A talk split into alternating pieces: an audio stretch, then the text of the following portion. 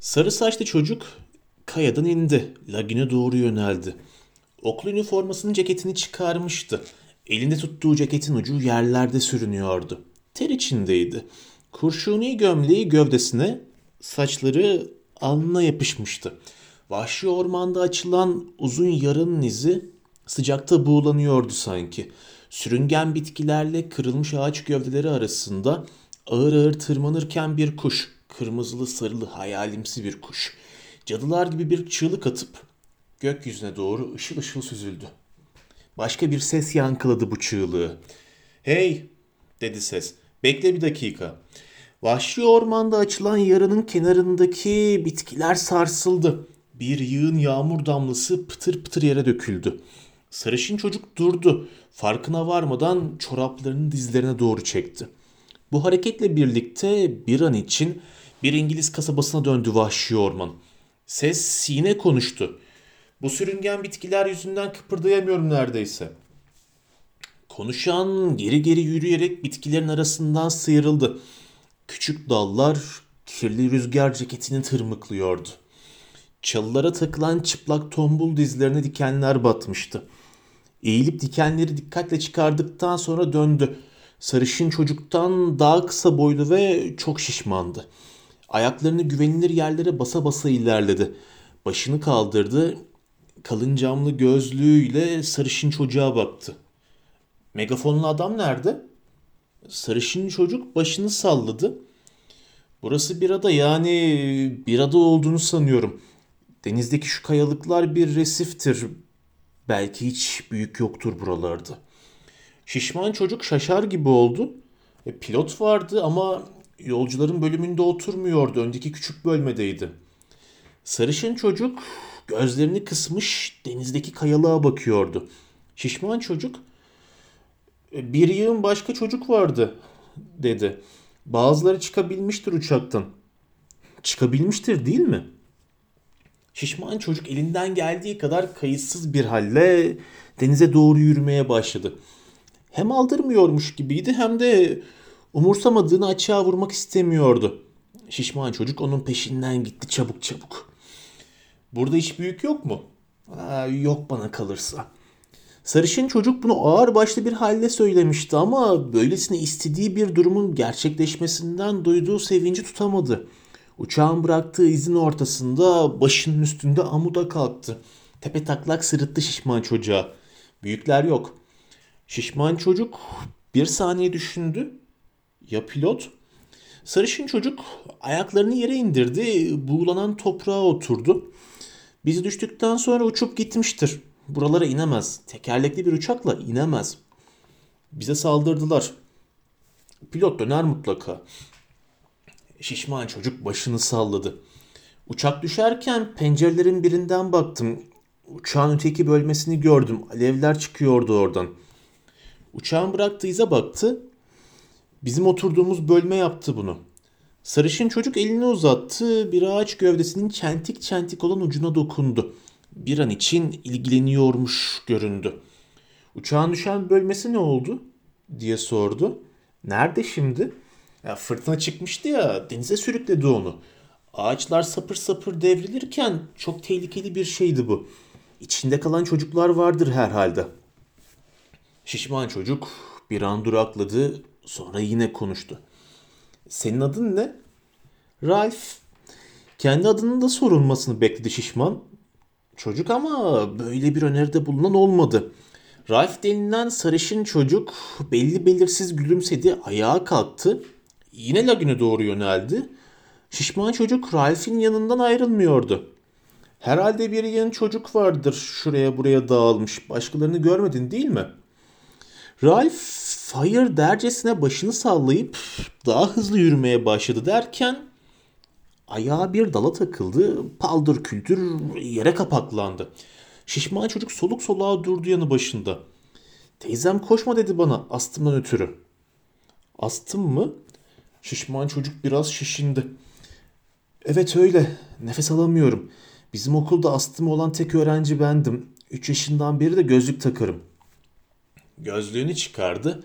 Gözlerini kırpıştıra kırpıştıra gülümseyerek Ralph'e uzattı. Sonra gözlüğün camlarını pis rüzgar ceketine sürmeye başladı. Bir acıya, içe dönük yoğun bir düşünceye kapılmışçasına solgun yüzü değişti. Yanaklarının terini eliyle sildi. Sonra hızla gözlüğü burnunun üstüne oturttu. O meyveler dedi. Uçağın gövdesinin bıraktığı ize bir göz attı. O meyveler dedi. Galiba gözlüğünün saplarını kulaklarının arkasına yerleştirdi. Ralph'in yanından uzaklaştı ve karma karışık bitkilerin arasında çömeldi. Bir dakika sonra gelirim. Ralph dikkatle kendisine bir yol açtı. Dalların arasından süzüldü gitti. Bir iki saniye içinde şişman çocuğun ıkınıp sıkılmalarını geride bıraktı. Kendisini lagünden ayıran bitkilerin yeşil perdesine doğru acele acele yürüdü. Devrilmiş bir ağacın gövdesini açtı. Vahşi ormandan çıktı. Kıyıda Hindistan cevizi ağaçları vardı. Ağaçlar ışıkta dikiliyor, ışığa eğiliyor, ışığa yaslanıyordu. Yeşil tüyler ta havalara yükseliyordu. Ağaçların dibi kapa otlarla kaplıydı. Devrilen ağaçlar her şeyin altını üstüne getirmiş, otları paramparça etmişti. Çürüyen Hindistan cevizleri, ağaçların dalları her bir yana dağılmıştı. Arkada ormanın karanlığı ve uçağın bıraktığı iz vardı. Ralph bir elini kül rengi bir ağaç gövdesine dayadı. Gözlerini kısıp ışıldayan suya baktı. Orada belki bir mil uzakta beyaz köpüklü kocaman dalgalar sığ mercan kayalığa çarpıyordu. Daha ötelerde açık deniz koyu maviydi. Tam önünde girintili çıkıntılı mercan kayalarla sınırlanan lagün bir dağ gölü kadar durgundu. Mavinin her çeşidi gölgeli yeşiller, morlar vardı bu sularda. Suyla Hindistan cevizi ağaçlarının yükseldiği set arasındaki kumsal görünüşte sonu gelmeyen ince bir yaydı. Ralph'in solundaki ağaçlar, kumsal ve sular sonsuza dek uzanıyordu.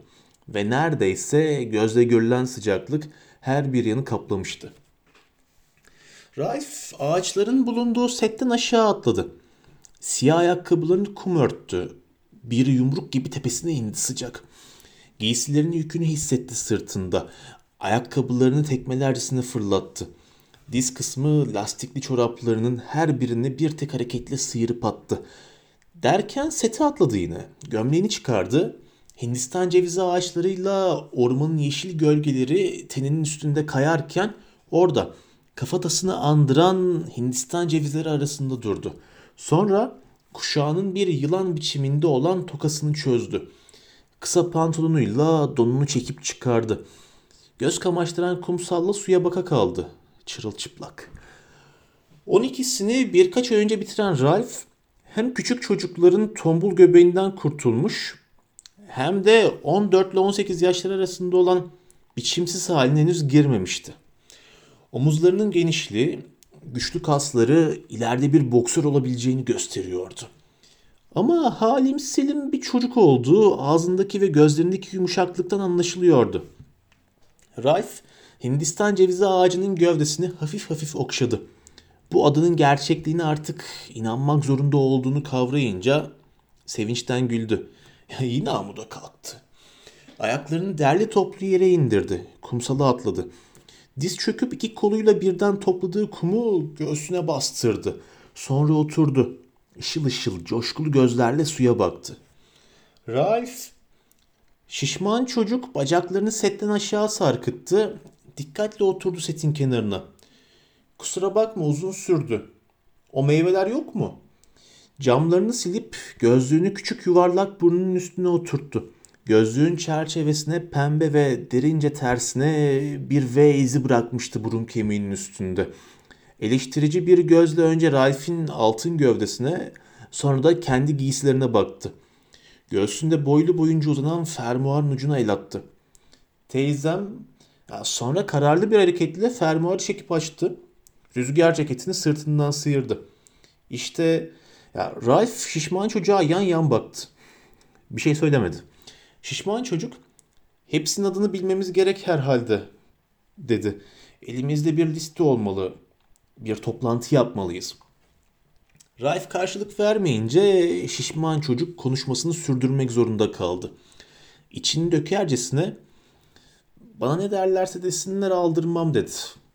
Yeter ki okulda taktıkları adla çağırmasınlar beni. Raif birazcık ilgi gösterdi. Yani neydi o ad? Şişman çocuk arkasına bir göz attı. Sonra Ralph'e doğru eğildi. Fısıldadı. Domuzcuk derlerdi bana. Ralph kahkahalar attı. Ayağı fırladı. Domuzcuk, domuzcuk. Ralph ne olur? Domuzcuk korku içinde ellerini kavuşturdu. Sana söyledim istemiyorum. domuzcuk, domuzcuk. Ralph dans ede ede sıcak kumsalda ilerledi. Sonra kollarını açıp bir savaş uçağı biçiminde geri döndü. Makineli tüfekle ateş açtı domuzcuğa. Taka taka taka tak. Domuzcuğun ayaklarının dibinde kuma attı kendini. Katıla katıla güldü. Domuzcuk. Domuzcuk istemeye istemeye gülümsedi. Ya böyle bir adlı da olsa benim sendiğine seviniyordu yine de. Ötekilere söylemedikçe Ralph yüzü kumda kıkır kıkır güldü. Yine bir acıya, yoğun bir düşünceye kapılmış gibi oldu domuzcuğun yüzü. Bir dakika. Acele ormana daldı. Ralph ayağa kalktı. Tırıs giden bir at gibi koşarak sağa doğru yöneldi. Burada kumsal ansızın bitiyordu. Pembe granitten yapılmış kocaman bir dörtgen. Ormana, hurma ağaçlarına, kuma, suyu hiç aldırmadan dikili veriliyordu. Dört ayak yüksekliğinde bir çeşit iskele meydana getiriyordu. Üstünde ince bir toprak tabakası, yaban otları ve küçük hurma ağaçlarının gölgesi vardı. Burada boy atmalarına yetecek toprak bulunmadığı için ağaçlar aşağı doğru 20 ayak yükselince devrilip kuruyorlardı. Yerde çaprazlama duran bu kütüklerin üstüne oturmak çok rahattı. Devrilmeyen hurma ağaçları yeşil bir dam gibiydi. Bu damın altına suyun karışık titreşimleri yansıyordu. Ralph kayaya tırmandı. Burayı gölgeli ve serin buldu. Gözlerinden birini kapadı. Bedenine düşen gölgelerin gerçekten yeşil oldukları kanısına vardı. İskele biçimindeki kayalığın denize bakan kenarına gitti. Gözlerini suya dikti. Suyun dibi görülüyordu. Ya tropikal yosunların ve mercanların ışıltısıyla pırıl pırıldı su. Parlayan küçük balıklar hızlı oradan oraya yüzüyordu. Ralph sevincinin çıkarabileceği en kalın sesle kendi kendine bağırdı. Yaşa! İskele biçimindeki kayanın ötesinde büyüleyici daha başka şeyler de vardı. Ya belki bir tayfunda, belki de geldikleri sırada çıkan fırtınada kumları lagüne yığmak aklına esmişti Tanrı'nın. Kumsalda uzun ve derin bir havuz meydana getirmişti böylece. Ya bu havuzun ucunda da pembe granitten yüksek ve düz bir çıkıntı vardı. Kumsallardaki havuzların derinliği konusunda kaç kez aldanmıştı Ralph. Onun için hayal kırıklığına uğramaya hazırdı bu havuza yaklaşırken. Ne var ki her şey gerektiği gibiydi bu adada. Deniz çok yükselince dolup taşan havuzun bir ucundaki su koyu yeşil görünecek kadar derindi. Ralph aşağı yukarı 30 yarda olan havuzu dikkatle inceledikten sonra suya daldı. Kanının ısısından daha sıcaktı su. Sanki kocaman bir banyoda yüzüyordu. Domuzcuk yine göründü. Kaya çıkıntısına oturup Ralph'in yeşil ve beyaz bedenini kıskına kıskına seyretti. Fiyakalı yüzüyorsun. Domuzcuk. Domuzcuk çıkardığı ayakkabılarıyla çoraplarını çıkıntının üstüne özenle yerleştirdi. Ayak parmağıyla suyu denedi. Sıcakmış. Ne sandın yani? Bir şey sanmadım teyzem. Yo teyzene. Ralph daldı, gözleri açık, suyun altında yüzdü. Havuzun kumlu ucu bir tepenin yamacı gibi dikildi karşısına. Burnunu tutarak sırt üstü yattı. Altın bir ışık tam yüzünün üstünde oynadı. Sonra paramparça oldu. Domuzcuk kararlı bir hal aldı. Kısa pantolonunu çıkarmaya başladı. Şimdi solgun ve şişman bedeni çıplaktı. Ayak parmaklarının ucuna basa basa havuzun kumlu kısmına gitti. Ralph'e gururla gülümseyerek boynuna gelen suyun içine oturdu. Yüzmeyecek misin? Domuzcuk hayır dercesine başını salladı. Yüzme bilmiyorum. İzin vermediler. Astımım... Yoha astımına. Domuzcuk bir çeşit alçak gönüllü sabırla katlandı buna. Sen çok güzel yüzüyorsun. Ralph sırt üstü yüzüp kum tepesinin yanından uzaklaştı. Ağzını suya soktu, havaya su püskürdü bir fiskiye gibi. Sonra çenesini kaldırıp konuştu. Beş yaşında yüzmesini bilirdim. Babam öğretti bana. Babam deniz kuvvetlerinde binbaşıdır. İzin alınca gelip bizi kurtaracak. Senin baban neci? Domuzcuk aniden kızardı. Babam öldü dedi çabucak. Anneme gelince gözlüğünü çıkardı. Camları temizlemek için boşuna bir şeyler aradı. Teyzemle otururdum. Teyzemin şekerci dükkanı vardı. Öyle çok şeker yerdim ki. Canımın istediği kadar yerdim. Baban ne zaman gelip kurtaracak bizi? Elinden geldiği kadar çabuk kurtaracak. Domuzcuk sudan çıktı. Sırılsıklam ve çıplaktı. Gözlüğünü çorabıyla sildi. Kulaklarına gelen tek ses mercan kayalıklarında parçalanan büyük dalgaların uzun gıcırtısıydı şimdi. Baban nereden biliyor bizim burada olduğumuzu? Ralph tembel tembel yuvarlanıp durdu suların üstünde. Suyun ışıltısıyla çarpışarak her yeri kaplayan hayal görüntüleri gibi. Uyku sardı onu. Baban nereden geliyor? Nereden biliyor bizim burada olduğumuzu? Ralph biliyor diye düşündü. Çünkü çünkü çünkü Ralph'in kulaklarından çok uzaklaşmıştı dalgaların kayalardaki gümbürtüsü. Havaalanında ona söylerler. Söylemezler pilotun dediğini duymadın mı? Atom bombası dediğini. Hepsi öldü. Ralph sudan çıktı. Domuzcuğun karşısına dikildi. Bu alışıla gelmemiş sorunu düşündü. Domuzcuk direniyordu. Burası bir ada değil mi? Ralph ağır ağır konuştu. Bir kayanın üstüne tırmandım. Burası bir ada bence. Hepsi öldü dedi domuzcuk. Burası da bir ada. Hiç kimse bilmiyor bizim burada olduğumuzu. Baban bilmiyor. Hiç kimse bilmiyor. Domuzcuğun dudakları titredi. Gözlüğünün camları buğulandı. Ölünceye dek kalabiliriz burada. Domuzcuk bunu söyler söylemez. Sıcaklık arttı sanki. Tehlikeli bir yüke dönüştü. Ve lagünün suları gözlerini kör eden bir ışımayla üstlerine saldırır gibi oldu.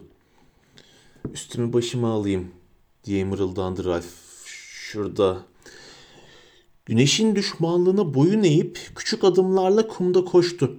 İskele biçimindeki kayalığın üstünde şuraya buraya atılmış giysilerini buldu. Kurşuni gömleği sırtına geçirmekten garip bir haz aldı. Sonra kayanın kenarında yeşil gölgelikte rahat bir kütüğe oturdu. Giysilerinin çoğunu kolunun altına sıkıştıran domuzcuk da oraya tırmandı. Durgun lagüne bakan küçük yalı yarın yanında devrilmiş bir ağaç kütüğüne yerleşti dikkatle. Sularla ağaçların karma karışık yansımaları teninin üstünde titreşiyordu. Domuzcuk çok geçmeden konuştu. Ötekileri bulmalıyız. Bir şeyler yapmalıyız. Ralph bir şey söylemedi. İşte bir mercan adasıydı burası. Kendi güneşten koruyor, domuzcuğun uğursuz sözlerine kulak asmıyor, tatlı düşlere dalıyordu. Domuzcuksa direniyordu. Kaç kişiyiz burada? Ralph ayağa kalktı, domuzcuğun yanına dikildi. Bilmiyorum. Küçük esintiler sıcağın buğusu altında, cilalı suların üstünde şurada burada sürünüyordu. Esintiler iskele biçimindeki kayaya varınca hurma ağaçlarının yaprakları fısıldaşıyor, güneş ışığının silik benekleri gövdelerin üstünden kayıp gidiyor ya da kanatlı parlak nesneler gibi oynuyordu gölgelikte. Domuzcuk başını kaldırıp Ralph'e baktı. Tüm gölgeler tersine yansıyordu Ralph'in yüzüne. Üstte yeşiller, altta durgun suların pırıltısı vardı. Bulanık bir güneş beni saçların üstünde sürünüyordu. Bir şey yapmalıyız. Ralph başını domuzcağa doğru çevirdi ama onu değil, öteleri görüyordu ona bakarken. Düşlerinde kurup da hiçbir zaman tam kavrayamadığı yer. Gerçek yaşamına girivermişti ansızın. Ralph'in dudakları sevinçli bir gülümsemeyle aralandı. Bu gülümsemenin ona yöneldiğini, Ralph'in onu benimsediğini sanan domuzcuk da kıvançla güldü. Eğer gerçekten bir adaysa bu ne? Ralph gülümsemiyordu artık. Parmağıyla bir şey gösteriyordu suda. Fil dişimsi bir şey vardı eğrelti otlarını andıran yosunların arasında. Bir taş. Hayır bir dom deniz kabuğu. Domuzcuk ölçülü bir heyecanla coştu ansızın. Doğru bir deniz kabuğu. Böyle bir şey görmüştüm eskiden. Bir tanıdığımın arka bahçesinin duvarında asılıydı. Sarmal biçiminde deniz kabuğu derdi buna. Öttürüp annesini çağırırdı. Annesi de gelirdi. Öyle kıymetli bir şey ki. Ralph'in dirseğine bitişik bir hurma fidanı sulara doğru eğiliyordu. Ağırlığı yüzünden verimsiz topraktan bir topak kopmuştu bile. Düştü düşecekti fidan. Ralph onu söktü, suyu karıştırmaya başladı. Pırıl pırıl balıklar şuraya buraya kaçışıyordu. Domuzcuk tehlikeli bir biçimde suya doğru eğildi. Dikkat, kıracaksın. Kapat çeneni. Ralph dalgın dalgın konuşmuştu. Deniz kabuğu ilginçti, güzeldi. Elde edilmeye değer bir oyuncaktı. Ne var ki Ralph'in kurduğu düşlerin canlı hayalleri Ralph ve domuzcuğun arasına giriyordu. Bu düşlerin arasında yeri yoktu domuzcuğun. Fidanın eğilen sapı deniz kabuğunu yosunlara doğru itti. Ralph bir elini dayanak gibi kullanıp öteki eliyle aşağı doğru bastı. Deniz kabuğu suları damlaya damlaya yukarıya doğru çıktı. Domuzcuk yakalayabildi onu. Deniz kabuğu salt görülen bir şey olmaktan çıkıp dokunulabilen bir şey olunca Ralph de heyecanlandı.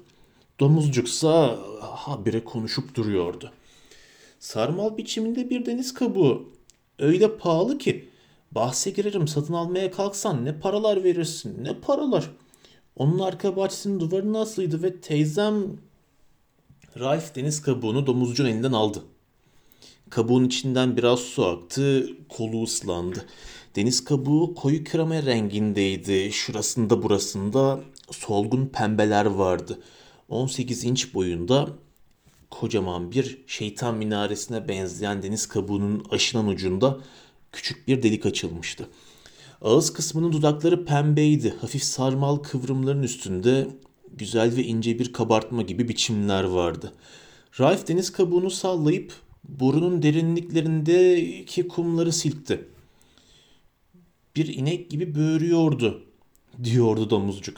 Beyaz taşları da vardı o tanıdığımın. Bir de kuş kafesi vardı. İçinde yeşil bir papağanla. Beyaz taşları öttürmezdi elbette. Derdi ki. Domuzcuk soluk almak için durdu. Ralph'in elindeki ışıldayan şeyi okşadı. Ralph. Ralph başını kaldırdı. Ötekileri çağırmak için bunu kullanabiliriz. Bir toplantı yaparız. Bizi duyunca gelirler. Sevinçle gülümsedi Ralph'e bakarak. Senin istediğin buydu değil mi? Onun için deniz kabuğunu sudan çıkardın değil mi? Ralph sarı saçlarını itti eliyle. Senin tanıdığın nasıl öttürürdü bu şeytan minaresini? Tükürüyormuş gibi yapardı. Astımım yüzünden teyzem izin vermezdi benim üflememe. Şuradan nefes alıp üflediğini söylerdi. Domuzcuk elini tombul göbeğinin üstüne koyup nereden nefes aldığını gösterdi. Hele bir de ne Ralph ötekileri çağırırsın. Ralph deniz kabuğunun ucuna ağzına dayayıp kuşkulu kuşkulu üfledi. Kendi soluğundan başka bir şey duymadı. Ralph dudaklarındaki tuzlu suyu silip yine denedi ama ses çıkmıyordu deniz kabuğundan. Tükürüyormuş gibi bir şey yapardı. Ralph dudaklarını büzdü. Hava fışkırttı deniz kabuğunun içine. Osuruğu andıran hafif bir ses çıktı. Bu ses iki çocuğun da öyle hoşuna gitti ki. Birkaç dakika kahkaha nöbetleri arasında osuruk sesi çıkarıp durdu Ralph. Şuradan şuradan nefes alıp üflerdi. Ralph domuzcu ne demek istediğini anladı. Diyaframdan gelen bir solukla üfledi. Deniz kabuğu hemen dile geldi. Kalın, haşin bir ses. Hurma ağaçlarının arasında gümledi. Ormanın çapraşıklığı içine yayıldı. Dağın pembe granitine çarpıp yankılandı. Ağaçların tepesinden küme küme kuşlar havalandı. Ve bir hayvan domuzlar gibi ciyak ciyak bağırarak çalıların içine daldı. Rice dudaklarını ayırdı deniz kabuğundan. Vay canına. Deniz kabuğunun haşin gümbürtüsünün yanında kendi sesi bir fısıltıyı andırıyordu. Deniz kabuğuna dudaklarını dayadı. Derin bir soluk alıp bir kez daha üfledi. Gümbürtü yine duyuldu. Raif kendini zorlayıp daha derinden üfleyince bir oktav yükselen ses daha da uzaklara yayılan kulak delici bir böğürtüye dönüştü. Domuzcuk bağıra bağıra bir şeyler söylüyordu. Yüzü sevinçliydi. Gözlüğünün camları ışıldıyordu. Kuşlar öttü, küçük hayvanlar kaçıştı, Ralph'in soluğu tükendi. Deniz kabuğunun sesi bir oktav düştü, gittikçe alçaldı. Bir hava ışırtısı oldu. Bir filin parlayan azı dişini andıran büyük şeytan minaresi sustu. Ralph öylesine soluksuz kalmıştı ki yüzü morarmıştı. Kuş çığlıklarıyla ve çınlayan yankılarla doluydu adanın havası. Yemin ederim ki millerce uzaklara yayılır bu ses. Ralph soluğunu buldu. Art arda kısa sesler çıkardı deniz kabuğundan. İşte bir tane geliyor diye bağırdı domuzcuk. Kumsalda aşağı yukarı yüz yardı uzakta Hindistan cevizi ağaçlarının arasında bir çocuk göründü. Belki altı yaşlarında gürbüz sarışın bir oğlandı. Üstü başı yırtılmış, yediği çeşitli meyveler yüzüne gözüne bulaşmıştı. Belirli bir amaçla pantolonunu indirmiş, beline tam çekememişti henüz. Ağaçların bulunduğu setten kuma atlayınca pantolonu ayak bileklerine düştü. Ayaklarını pantolondan sıyırıp küçük adımlarla kayalığa doğru koştu. Domuzcuk oraya tırmanmasına yardım etti. Bu arada Ralph ormandan sesler gelinceye dek öttürdü deniz kabuğunu. Küçük oğlan Ralph'in önünde çömeldi. Parlak gözlerle aşağıdan yukarıya doğru Ralph'e baktı. İşe yarayan bir şey yapıldığını kavrayınca rahatlamaya başladı.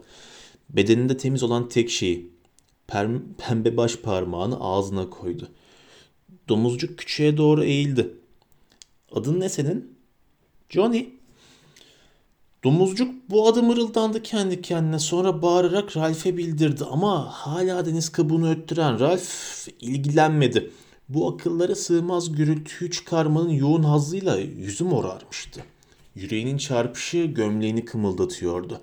Artık kumsalda hayat belirtileri başlamıştı. Sıcaklığın buğusunda titreşen kumsal boyunca bir yığın biçimler göründü. Erkek çocuklar sessiz sıcak kumda yürüyerek iskele biçimindeki büyük kayalığa doğru geliyorlardı. İnsanı şaşırtacak kadar yakında bulunan Johnny yaşında üç küçük oğlan meyve tıkındıkları ormandan çıkıverdiler ansızın. Domuzcuktan belki biraz daha küçük esmer bir çocuk çalıları itip ortaya çıktı. Kayalığa gelince neşeyle gülümsedi herkese. Art arda geliyordu çocuklar. Saf Johnny ne yaptıysa onlar da aynı şeyi yapıyor. Devrilen hurma ağacı gövdelerine oturup bekliyorlardı. Raif deniz kabuğundan ta uzaklara yayılan kesik sesler çıkarıyordu. Hiç durmadan. Domuzcuk çocuk kalabalığı arasında yürüyor. Adlarını soruyor. Bu adları aklına tutabilmek için kaşlarını çatıyordu. Çocuklar yalın bir uysallıkla boyun eğiyorlar. Megafonlu adamın sözünü dinledikleri gibi domuzcuğun da sözünü dinliyorlardı. Kimi çıplaktı, giysilerini eline taşıyordu. Kimi yarı çıplak, yarı giyinmişti. Okul üniformalarının gri, lacivert, bej, yünlü ceketleri vardı sırtlarında.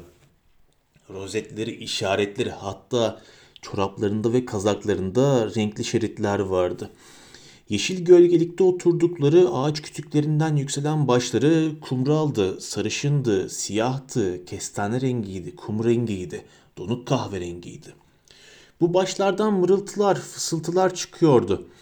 Ralph'e bakan, hesaplayıp düşünen gözler vardı bu başlarda. Çocuklar olumlu bir iş yapıldığını biliyorlardı. Kumsaldan tek başına ya da ikişer ikişer gelen çocuklar Sıcaklığın bu perdesinin meydana getirdiği sınırı aşınca birdenbire görülüyorlardı. Onlar yaklaşırken göze ilk ilişen şey kumun üstünde oynayan yarasıyı andıran kara bir yaratıktı. Bunun üstündeki gövde biraz sonra görülebiliyordu ancak bu yarasamsı şey çocuğun gölgesiydi. Tam tepesinde olan güneş telaşlı ayaklarının arasında küçük bir lekeye dönüştürmüştü gölgesini. Ralph deniz kabuğuyla uğraştığı halde oynayan bir karı lekenin üstüne basa basa kayalığa son gelen iki kişiye dikkat etti yine de.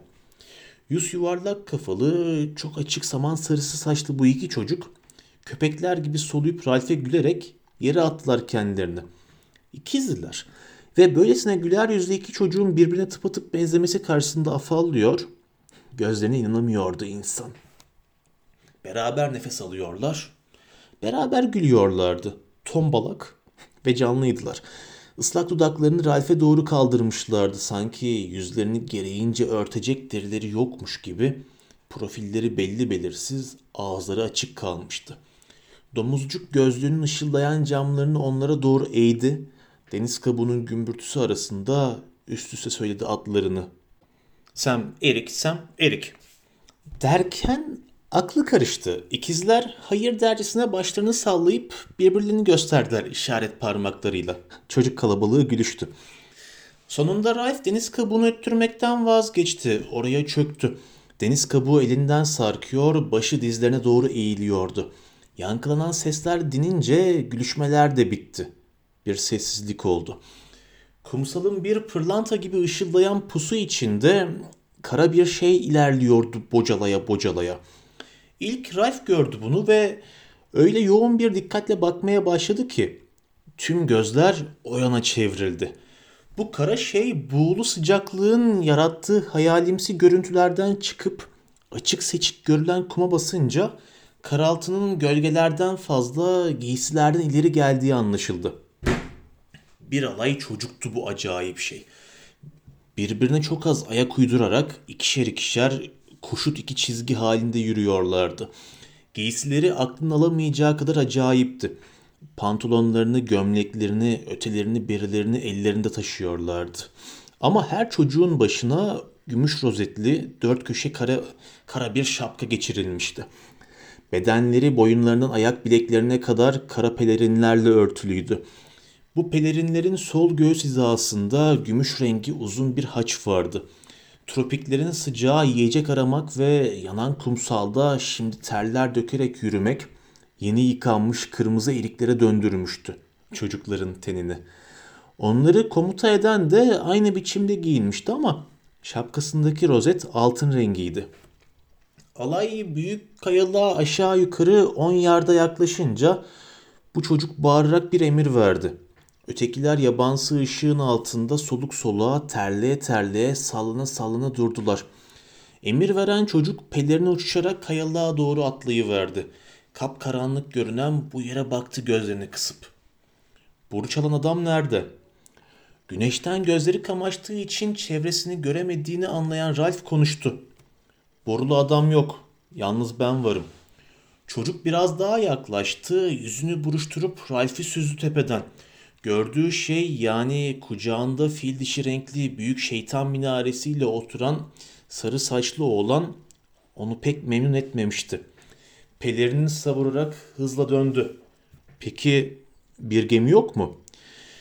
Bol pelerinin örttüğü bedeni uzun, zayıf, kemikliydi. Kara şapkanın altında kızıl saçları vardı. Çilli yüzü çökmüştü. Aptal görünmeden çirkindi. Dik dik bakan açık mavi gözlerinden hayal kırıklığına uğradığı, öfkelendi ya da öfkelenmeye hazır olduğu anlaşılıyordu. Bir büyük yok mu burada? Ralph sırtı dönük olan çocuğa hayır yok dedi. Bir toplantı yapıyoruz gel sen de katıl bize. Pelerinli çocuklar sırayı bozmaya başladılar. Uzun boylu çocuk bağırdı onlara. Koro dur Canından bezmiş koro üyeleri söz dinleyip sıraya girdiler. Sallana sallana durdular güneşin altında. Ancak birkaçı hafif bir sesle karşı çıkmaya yeltendi. Ama Meridev, ne olur Meridev biz derken çocuklardan biri yüzü koyun kuma kapaklandı ve sıra bozuldu. Yere yığılan çocuğu kayalığa çıkardılar, oraya yatırdılar. Meridev çevresine dik dik bakıp durumu idare etmek zorunda kaldı. Peki öyleyse oturun. Bırakın onu. Ama Meridev ikide bir düşüp bayılır o. Gip'te de bayıldı. Adis'te de bayıldı. Sabah duasında koroyu yönetenin üstüne düşüp yine bayıldı. Meridev ancak kendilerini yakından bildiği bu konuya değinince devrilmiş ağaç gövdelerine kara kuşlar gibi tüneyip Ralph'i de ilgiyle süzen kilise korusu üyeleri sinsi sinsi gülüştüler. Domuzcuk kimsenin adını sormuyordu. Bu oğlanların üniformalı üstlüğünden Meridev'in sesindeki kaygısız otoriteden çekiniyordu. Ralph'in arkasına sığındı. Gözlüğünü evirip çevirmeye başladı. Meridev Ralph'e döndü. Büyükler yok mu burada? Yok. Meridev bir ağaç kütüğüne oturdu. Çevresine göz gezdirdi. Kendi başımızın çaresine bakmak zorundayız öyleyse. Ralph'in arkasında kendini güvende bilen domuzcuk çekine çekine konuştu. İşte bu yüzden bir toplantı yaptık. Ne yapacağımızı kararlaştıralım diye. Adlarını aldık. Bu Johnny. Bunlar ikiz Sam'le Erik. Hanginiz Erik'siniz Sam mi? Hayır sen Sam'sin. Sen Sam'sin. Ben de Erik. Ralph hepimizin adı bilinmeli dedi. Ben Ralph'im. Domuzcuk çoğu atları aldık dedi. Demin aldık. Çocuk atları bunlar dedi Meridev. Bana ne diyecek diyecekmişsiniz ki? Meridev'im ben. Ralph hemen Meridev'e baktı. Ne istediğini bilen bir kişinin sesiydi bu. Sonra bir çocuk var dedi domuzcuk. Unuttum onun Jack Meridev. Fazla konuşuyorsun sen dedi. Kapat çeneni şişko. Gülüşmeler oldu. O şişko değil dedi Ralph. Gerçek adı domuzcuktur onun. Domuzcuk, domuzcuk, hey domuzcuk. Herkes katıla katıla gülüyordu. En küçükler bile katılmıştı bu gülüşmeye. Şimdilik çocuklar bir çember kurup aralarında anlaşmışlardı. Bu çemberin dışında kalmıştı domuzcuk. Domuzcuğun yüzü pembe pembe oldu. Başını eğdi. Bir kez daha sildi gözlüğünün camlarını. Gülme faslı bitti sonunda. Yine atlar alındı. Kilise korosunun çocukları arasında boy açısından Jack'ten sonra gelen Morris'ti. Morris boyuna sırıtan iri bir oğlandı. Herkesten kaçan, herkesten gizlenen, kendi içine kapanmış hiç kimsenin tanımadığı ince bir çocuk vardı orada. Adının Roger olduğu mırıldandı. Sonra yine sustu. Bill vardı, Robert vardı, Harold vardı, Henry vardı. Bayılan koro üyesi bir ağacın kütüğüne yaslandı. Solgun dudaklarla Ralph'e gülümsedi. Adının Simon olduğunu söyledi. Jack, nasıl kurtarılacağımız konusunu bir karara bağlamalıyız, dedi. Fısıltılar duyuldu. Adı Henry olan küçük çocuklardan biri evine gitmek istediğini söyledi. Kes sesini, dedi Ralph dalgın dalgın. Deniz kabuğunu havaya kaldırdı. Karar vermek için bir şefimiz olmalı bana kalırsa. Bir şef, bir şef. Jack dolan başlı yollara sapmayı hor gören bir küstahlıkla şef ben olmalıyım dedi. Çünkü benim katedralin korosunda da bir yerim var. Hem de bu koronun başındayım. Do diyezi bile söyleyebilirim ben. Çocuklar yine fısıldaştılar. Jack öyleyse dedi ben Jack duraksadı. Roger adlı esmer çocuk kıpırdandı ve konuştu. Oya koyalım. Tamam. Şefi oyla seçelim. Oylama yapalım. Deniz kabuğu oyunu kadar hoş bir oyundu bu oylama işi. Jack karşı koymaya başladı. Birinin şef seçilmesi konusunda genel istek Ralph'in şef seçilmesi isteğine dönüştü oy birliğiyle. Aslında çocuklardan hiçbiri bu isteğin yerinde olduğunu kanıtlayacak bir neden gösteremezdi. Çünkü akıl belirtileri gösteren tek kişi domuzcuktu. Şef olarak ilk düşünülmesi gereken de Jack'ti. Ne var ki tüm gözler hiç kıpırdamadan oturan Ralph'e çevrilmişti. Ralph iriydi, Ralph güzeldi. Ama farkına varmadıkları halde onu seçmek istemelerinin gerçek nedeni deniz kabuğuydu. Bu büyük şeytan minaresini seslendiren çabucuk çabucak kırılabilecek bu güzel şeyi kucağına tutup onları kayalıkta bekleyen çocuğun bir ayrıcalığı vardı. Deniz kabuğunu tutan. Ralph, Ralph. O boru gibi öttüren şef olsun. Ralph susmaları için elini kaldırdı. Peki Jack'in şef olmasını kim istiyor? Kilise korosundakiler canlarından bıkmış bir uysallık içinde ellerini kaldırdılar. Beni kim istiyor? Domuzcuk bir yana kilise korosunun dışında kalanların tümü ellerini kaldırdılar hemen. Sonra domuzcuk da istemeye istemeye elini kaldırdı. Ralph kalkan elleri saydı. Öyleyse ben şefim. Çocuklar alkışladılar. Koronun üyeleri bile alkışladı. İçerleyen Jack'in kıpkırmızı kesilen yüzündeki çiller yok oldu. Önce ayağa fırladı, sonra caydı, yine oturdu. Her bir yan alkışla çınlarken Ralph Jack'e baktı.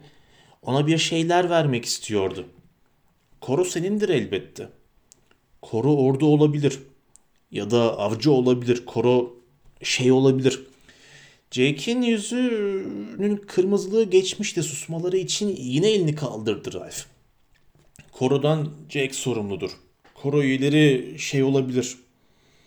Ne olmasını istiyorsunuz onların? Avcı olsunlar. Jack ile Ralph çekingen bir dostluk duygusuyla birbirlerine gülümsediler. Öteki çocuklar heyecanlı heyecanlı konuşuyorlardı aralarında. Jack ayağa kalktı. Koro, çıkarın pelerinlerinizi. Koro üyeleri ders bitmiş de sınıftan çıkmışlar gibi ayağa kalktılar. Çene çala çala kara pelerinlerini otların üstüne yığdılar. Jack kendi pelerini Ralph'in oturduğu kütüğün yanına koydu. Kurşuni rengi şortu tepeden terden yapışmıştı bedenine. Ralph hayran hayran baktı şortun haline. Jack bu bakışı görünce açıkladı. Her bir yanımızın su olup olmadığını anlamak için şu tepeye tırmanmaya çalıştım ama deniz kabuğunun sesi bizi buraya çağırdı. Ralph gülümsedi. Herkes sussun diye deniz kabuğunu havaya kaldırdı. Dinleyin hepiniz. Durumu düşünüp taşınmam için zaman gerek bana. Ne yapacağımızı hemen kararlaştıramam. Eğer burası bir ada değilse bizi hemen kurtarırlar. Anlamamız gereken buranın bir adı, adı olup olmadığı. Hepiniz burada kalıp bekleyeceksiniz. Uzaklaşmayacaksınız buradan. Üç kişi, üçten fazla olursak durum karışır. Birbirimizi kaybederiz. Keşfe çıkacağız. Buranın ne olduğunu anlayacağız. Ben gideceğim, Jake gidecek. Bir de Ralph çevresindeki istekli yüzlere baktı. Bir yığın, yığın çocuk vardı seçebileceği. Bir de Simon. Simon'ın yanındakiler gülüştüler. Simon da hafif gülerek ayağa kalktı. Bayıldığı sırada yüzünü saran solgunluk geçmişti artık. Sıska, canlı küçük bir çocuktu. Dümdüz sarkan kalın telli kara saçlarının altından bakıyordu gözleri. Simon evet dercesine başını saldı Ralph'e. Gelirim ben de. Jack arka cebinden çıkardığı büyükçe bıçağı kınından çektiği gibi bir ağaç gövdesine sapladı. Çocukların gürültüsü arttı sonra bir sessizlik oldu. Domuzcuk kıpırdadı. Ben de geleceğim. Ralph dönüp domuzcuğa baktı. Böyle bir durumda işe yaramazsın sen. Ama yine de Jack kesip attı. Seni istemiyoruz. Üç kişi yeter. Domuzcuğun gözlüğünün camları ışıldadı. Deniz kabuğunu bulduğu sırada onun yanındaydım ben. Herkesin önce onun yanındaydım ben. Jack'le ötekilerin aldırdığı yoktu domuzcuğa. Çocuklar dağıldı. Ralph, Jack ve Simon kayalıktan atladılar. Kumda yürüyerek doğal yüzme havuzun yanından geçtiler. Domuzcuk peşlerinden gitti beceriksiz adımlarla. Simon ortamızda yürürse başının tepesinden konuşabiliriz dedi Ralph. Üç çocuk birbirlerine ayak uydurarak yürümeye başladılar. Simon arada sırada sekip ayak değiştirmek zorunda kalıyordu onlara yetişebilmek için. Derken Ralph durdu. Dönüp domuzcuğa baktı. Bana bak. Jack ile Simon hiçbir şeyin farkına değilmiş gibi yürüyüp gittiler. Gelemezsin. Domuzcuğun gözlük camları yine buğulandı. Küçük düşürüldüğü için buğulandı bu kez. Onlara yetişiverdin Oysa söylemiştim sana. Domuzcuğun yüzü kızardı, dudakları titredi. Sana söylemiştim istemediğimi. Kuzum neler anlatıyorsun sen? Bana domuzcuk demelerini istemediğimi söylemiştim. Bana domuzcuk demesinler de ne derlerse desinler demiştim. Sana tembih etmiştim. Onlara söylemediği ama sen hemen yetiştirdin. Bir sessizlik oldu. Şimdi domuzcuğa daha anlayışlı bakan Ralph şişman çocuğun kırıldığını ezildiğini gördü. Özür dilemekle daha da ileri gidip onu iyice gücendirmek arasında bocaladı bir an. Sonunda gerçek önderlerin tok sözlüğüyle konuştu. Şişko diyeceklerini domuzcuk desinler daha iyi. Üzüldüm böyle kırılmana şimdi geri dön. Onların adlarını al. Senin işinde bu. Hoşça kal. Ralph döndü. Jack ile Simon'ın peşinden koştu hızla. Domuzcuk durduğu yerde kaldı. Haklı bir öfkeyle kızaran yanakları normal rengini aldı yavaş yavaş. Büyük kayalığa geri döndü. Ralph, Jack ve Simon çevik adımlarla kumda yürüdüler. Sular çekilmişti. Kumsalın yosunla kaplı ince bir şeridi toprak bir yol kadar rahattı. Bir çeşit büyüleyici güzellik vardı çevrelerinde. Bunun bilincinde, bunun mutluluğu içindeydi çocuklar. Birbirlerine bakıyorlar, coşkuyla gülüyorlar, kimin ne dediğini dinlemeden konuşuyorlardı. Hava pırıl pırıldı. Tüm bunları açıklayıp yorumlamak işiyle başa çıkamayan Ralph amuda kalktı. Tepe taklak yuvarlandı. Gülüşmeleri bitince Simon çekine çekine Ralph'in kolunu okşadı. Yine gülmekten kendilerini alamadılar. Haydi gelin dedi Jack. Biz kaşifiz. Ralph adanın ucuna gideceğiz. Köşeden bakacağız dedi. Eğer bu bir adaysa şimdi öğle üstü bitmekteyken hayalimsi görüntüler silinmeye başlamıştı. Adanın ucu büyüyle biçim değiştirip akıllara sığmaz bir yer olmaktan çıkmıştı artık. Açık seçik görebiliyorlardı orasını. Adanın bildikleri kısmında olduğu gibi oraya da dört köşe kayalar yığılıydı. Lagünün durgun sularında kocaman bir kaya yükseliyordu. Deniz kuşları oraya yuvalanmışlardı. Ralph, bu yuvalar pembe bir pastanın üstündeki beyaz şekerler gibi dedi. Jack, bu köşenin arkasında ne olduğunu göremeyeceğiz dedi. Çünkü bir köşe yok. Geniş bir kıvrım var. Yalnız görüyorsunuz kayalar gittikçe daha berbat oluyor. Ralph eliyle gözlerini siper edip daha doğru yükselen kayaların çizdiği girintili çıkıntılı çizgiye baktı. Kumsalın daha en yakın olan yerindeydiler şimdi. Ralph, daha buradan tırmanmaya çalışırız dedi. Bana kalırsa en kolay yol buradan.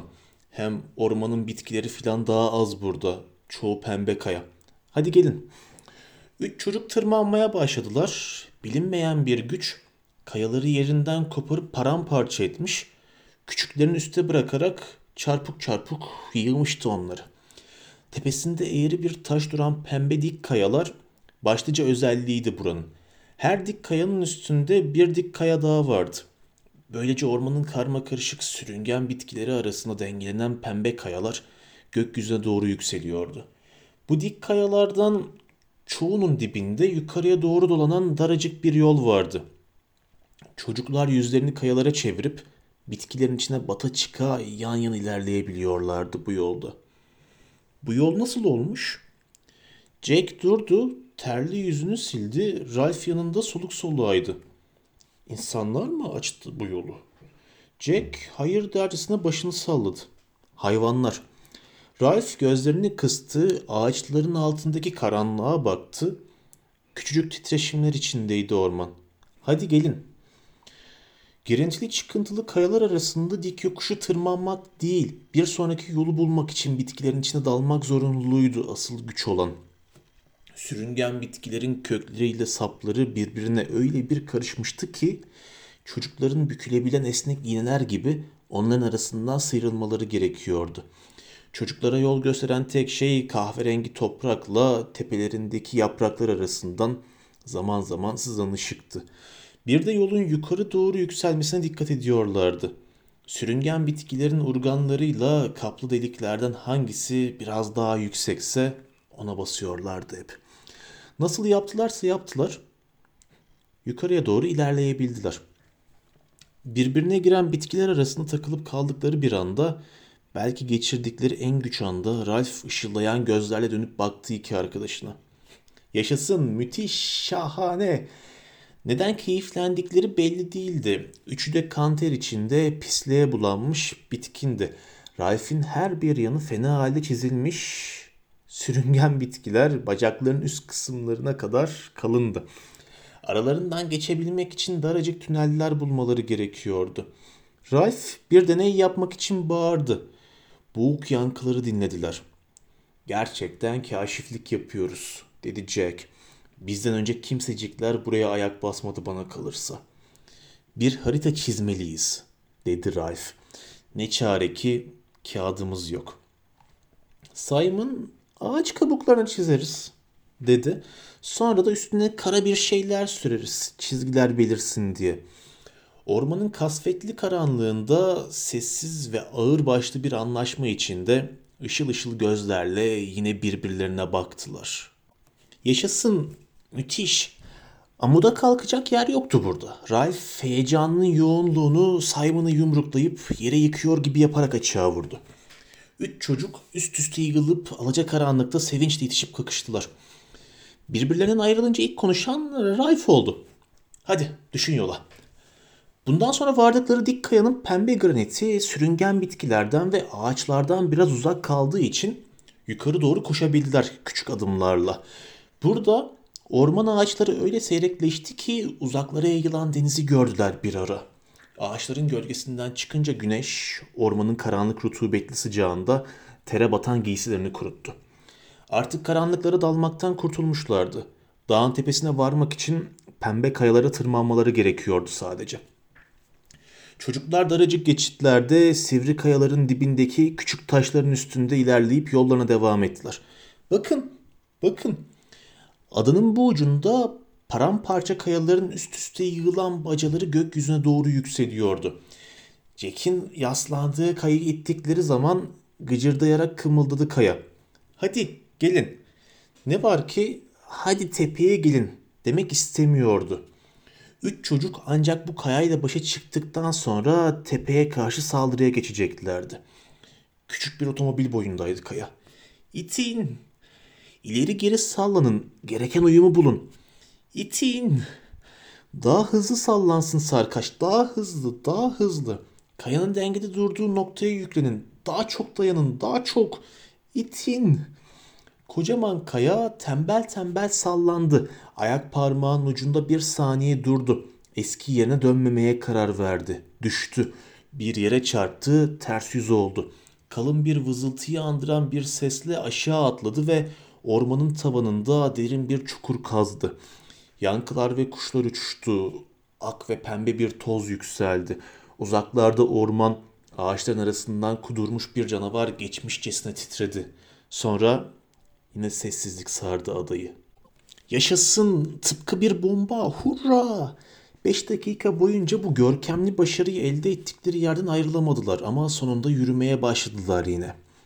Dağın tepesine tırmanmak kolaylaşmıştı artık. Oraya varacakları sırada Ralph durdu. Vay canına! Dağın yamacında oyulmuş çember ya da yarım çember biçiminde bir yere gelmişlerdi. Bir çeşit kaya bitkileriyle Mavi çiçeklerle dolup taşıyordu burası. Mavi çiçekler kayalardan sarkıyor, aşağıda ormanın üstüne dökülüyordu bereketle. Yükselen, uçuşan, konan kelebeklerle doluydu hava. Dağın dört köşe doğru bu çemberin ötesindeydi. Çok geçmeden vardılar oraya. Buranın bir ada olduğunu önceden sezmişlerdi. Sağlarında, sollarında deniz, tepelerinde billur gibi yükselen gökyüzü, pembe kayalara tırmanırken suların her bir yanlarını sardığını içgüdüleriyle sezmişlerdi. Ne var ki ancak doruğa çıktıktan sonra suların ufku çepeçevre sardığını ancak kendi gözleriyle gördükten sonra son sözü söylemek her nedense daha uygun görünmüştü onlara. Ralph döndü, öteki iki çocuğa baktı. Burası bizim. Ada az çok bir tekne biçimindeydi. Bu ucunda bir tümsek yükseliyordu. Çocukların arkasında darmadağınık kayalar deniz kıyısına iniyordu. Her bir yanda taşlar, yarlar, ağaç tepeleri ve dik bir yamaç vardı. Önlerinde yani teknenin ortasını oluşturan bölümde yokuş pek dik değildi. Şuraya buraya ağaçlar ve granitin pembeliği serpilmişti. Sonra çengelin kapladığı koyu yeşil yassı kısmı geliyordu adanın. Bunun ucunda pembe bir kuyruk vardı. Kıyının ufalıp sularda eridiği yerde bir ada daha görülüyordu. Çocukların bulunduğu adadan neredeyse kopmuş bir kaya parçasıydı bu. Pembe ve belalı bir tek tabyası olan bir kale gibi. Yeşil ormanın ötesinde karşılarına dikiliyordu bu kaya. Çocuklar tüm bunlara sonra denize baktılar. Öyle üstü bitmek üzereydi. Işığın yarattığı hayaller yok olmuştu. Her şey olduğu gibi görünüyordu.'' Denizin yüzeyine yükselen sığ bir kayalıktır bu. Bir mercan kayalığı. Buna benzer resimler görmüştüm. Denizdeki mercan kayalıklar adanın yalnız bir tek yanını kapatmıyordu. Aşağı yukarı bir mil uzaklara yayılıyor. Artık kendi kumsalları saydıkları kıyıya koşut olarak uzanıp gidiyordu. Sanki bir dev eğilip sularda adanın resmini kaba taslak çizmek istemiş de işini bitiremeden bezmiş gibi mercan kayalar denize çizilip çiziştirilmişti. Kayaların çevrelediği su bir tavus kuşunun tüyleri kadar alacalıydı. Bu suyun içindeki taşlarla yosunlar sanki bir akvaryumdaymış gibi açık seçik görülüyordu.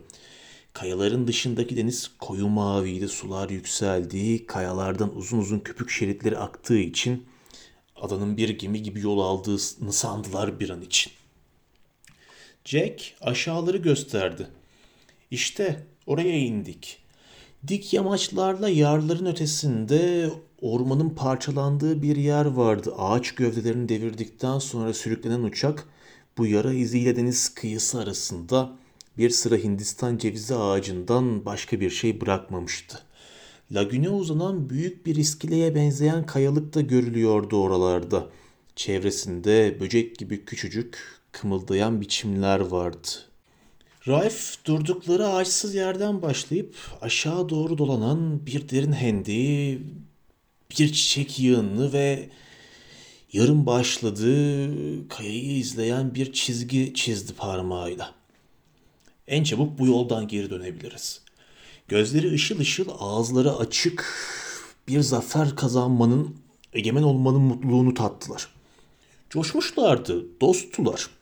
Ralph akıllı uslu konuştu. Tüten bir bacı olmadığına göre köy yok. Bir sandal da yok. Sonradan iyice araştırırız bunu ama ıssız bir adadayız bana kalırsa. Yiyecek buluruz, dedi Jack. Ava çıkarız, bir şeyler yakalarız sonra onlar gelir bizi kurtarırlar. Simon ikisine de baktı, bir şey söylemedi ama başına öyle bir salladı ki kara saçları bir öne döküldü, bir arkaya. Yüzü ışık saçıyordu. Ralph denizde kayalıkların bulunmadığını yana baktı. Orası daha dik, dedi Jack. Ralph iki avcunu birleştirip bir çanağı tutar gibi yaptı. Aşağıdaki şu orman parçası. Dağ onu tutup kaldırıyor sanki. Dağın her bir yanına ağaçlar takılıp kalmıştı. Çiçekler ve ağaçlar. Derken orman kımıldadı, gürledi, savruldu. Onlara yakın olan kaya çiçekleri uçturdular. Ve yarım dakika serin bir yel esti yüzlerine. Ralph kollarını açtı. Hepsi bizim. Güldüler, takla attılar, bağırıp çağırdılar dağın doruğunda. Karnım acıktı. Simon açlığından söz edince öteki ikisi de farkına vardılar aç olduklarının. Haydi gidelim dedi Ralph. Öğrendik öğrenmek istediğimizi. Kayalık bir yamaçtan aşağı kayıp geçtiler. Çiçeklerin arasına düştüler. Ağaçların altında yürüdüler. Durup merakla incelediler çevresindeki, çevrelerindeki bitkileri. İlk konuşan Simon oldu. Mumlar gibi, mum çalıları, mum tomurcukları. Koyu yeşil ve güzel kokuluydu hiç solmayan bu bitkiler. Işığa kapanmış yeşil bal mumu renginde bir yığın tomurcuk vardı üstlerinde. Jack tomurcuklardan birini bıçağıyla kesince güzel kokular sardı dört bir yanlarını. Mum tomurcukları. Ralph bunları tutuşturamazsınız dedi ama tıpkı muma benziyorlar. Jack yeşil mumlar dedi hor görürcesine. Bunları yiyemeyiz. Haydi yürüyün. Ağaçların çok sık olduğu bir yere varıp yorgun argın yürürken gürültüleri duydular. Ciyak ciyak bağıran hayvan sesleri ve toynakların yere sert sert vuruşu. Çocuklar ilerledikçe sesler yükseldi, bir çılgınlığa dönüştü. Sürüngen bitkilerin örtüsüne takılıp kalan akıllara sığmaz bir korkunun kudurganlığı içinde lastiği andıran bitkilere saldıran bir domuz yavrusu gördüler. Boyuna bağıran hayvanın çıkardığı ses ipinceydi. Bir iğne kadar sivriydi. Üç çocuk atıldılar. Jack gösterişli bir davranışla bıçağını çekti. Kolunu havaya kaldırdı. Bir duraklama, bir anlık duraksama oldu. Domuz yavrusu hala bağırıyor. Sürüngen bitkileri hala çekiştiriyor. Kemikli bir kolun ucundaki bıçak hala parlıyordu. O bıçağın domuz yavrusunun üstüne inmesinin nedenli akıl almaz, nedenli korkunç bir şey olacağını anlamaları yetti bu duraklama anına. Derken hayvan bitkileri parçalayıp kurtuldu. Çalıların arasına kaçtı. Üç çocuk birbirlerine ve bu korkunç şeyin olduğu yere baka kaldılar. Jack'in yüzü bembeyazdı çillerinin altında. Bıçağı hala kaldırdığının farkına vardı. Kolunu indirdi. Bıçağı kınına soktu. Sonra üçü de utana utana güldüler. Yine yürümeye başladılar. Jack Bir yer arıyordum dedi. Bir an bekliyordum bıçağı neresine saplayacağımı kestirmek için. Raif yabancı bir hırsla konuştu. Domuzun belirli bir yerini delmek gerek dedi. Domuzu delmekten söz ederler hep. Jack, domuzun gırtlağı kesilir kanı aksın diye dedi. Yoksa etini yiyemezsin. Neden onu... Nedenini çok iyi biliyorlardı. Bıçağın canlı bir gövdeye inmesi, yaşayan gövdeyi parçalaması korkunçtu da ondan. Kanın akmasına dayanılamazdı da ondan. Onu öldürecektim dedi Jack. Önden yürüdüğü için yüzünü göremiyorlardı. Bıçağı saplayacak bir yer arıyordum. Bir dahaki sefere. Jack kınından çekip çıkardığı bıçağını bir ağacın gövdesine mıhladı. Bir dahaki sefere acıma nedir bilmeyecekti.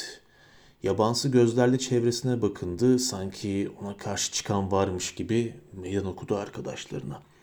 Sonra ormandan çıkıp gün ışığına vardılar. Uçağın bıraktığı ize, iskele biçimindeki büyük kayalığa ve toplantı yerine doğru giderken yiyecek bir şeyler arayıp tıka basa yediler bir süre.''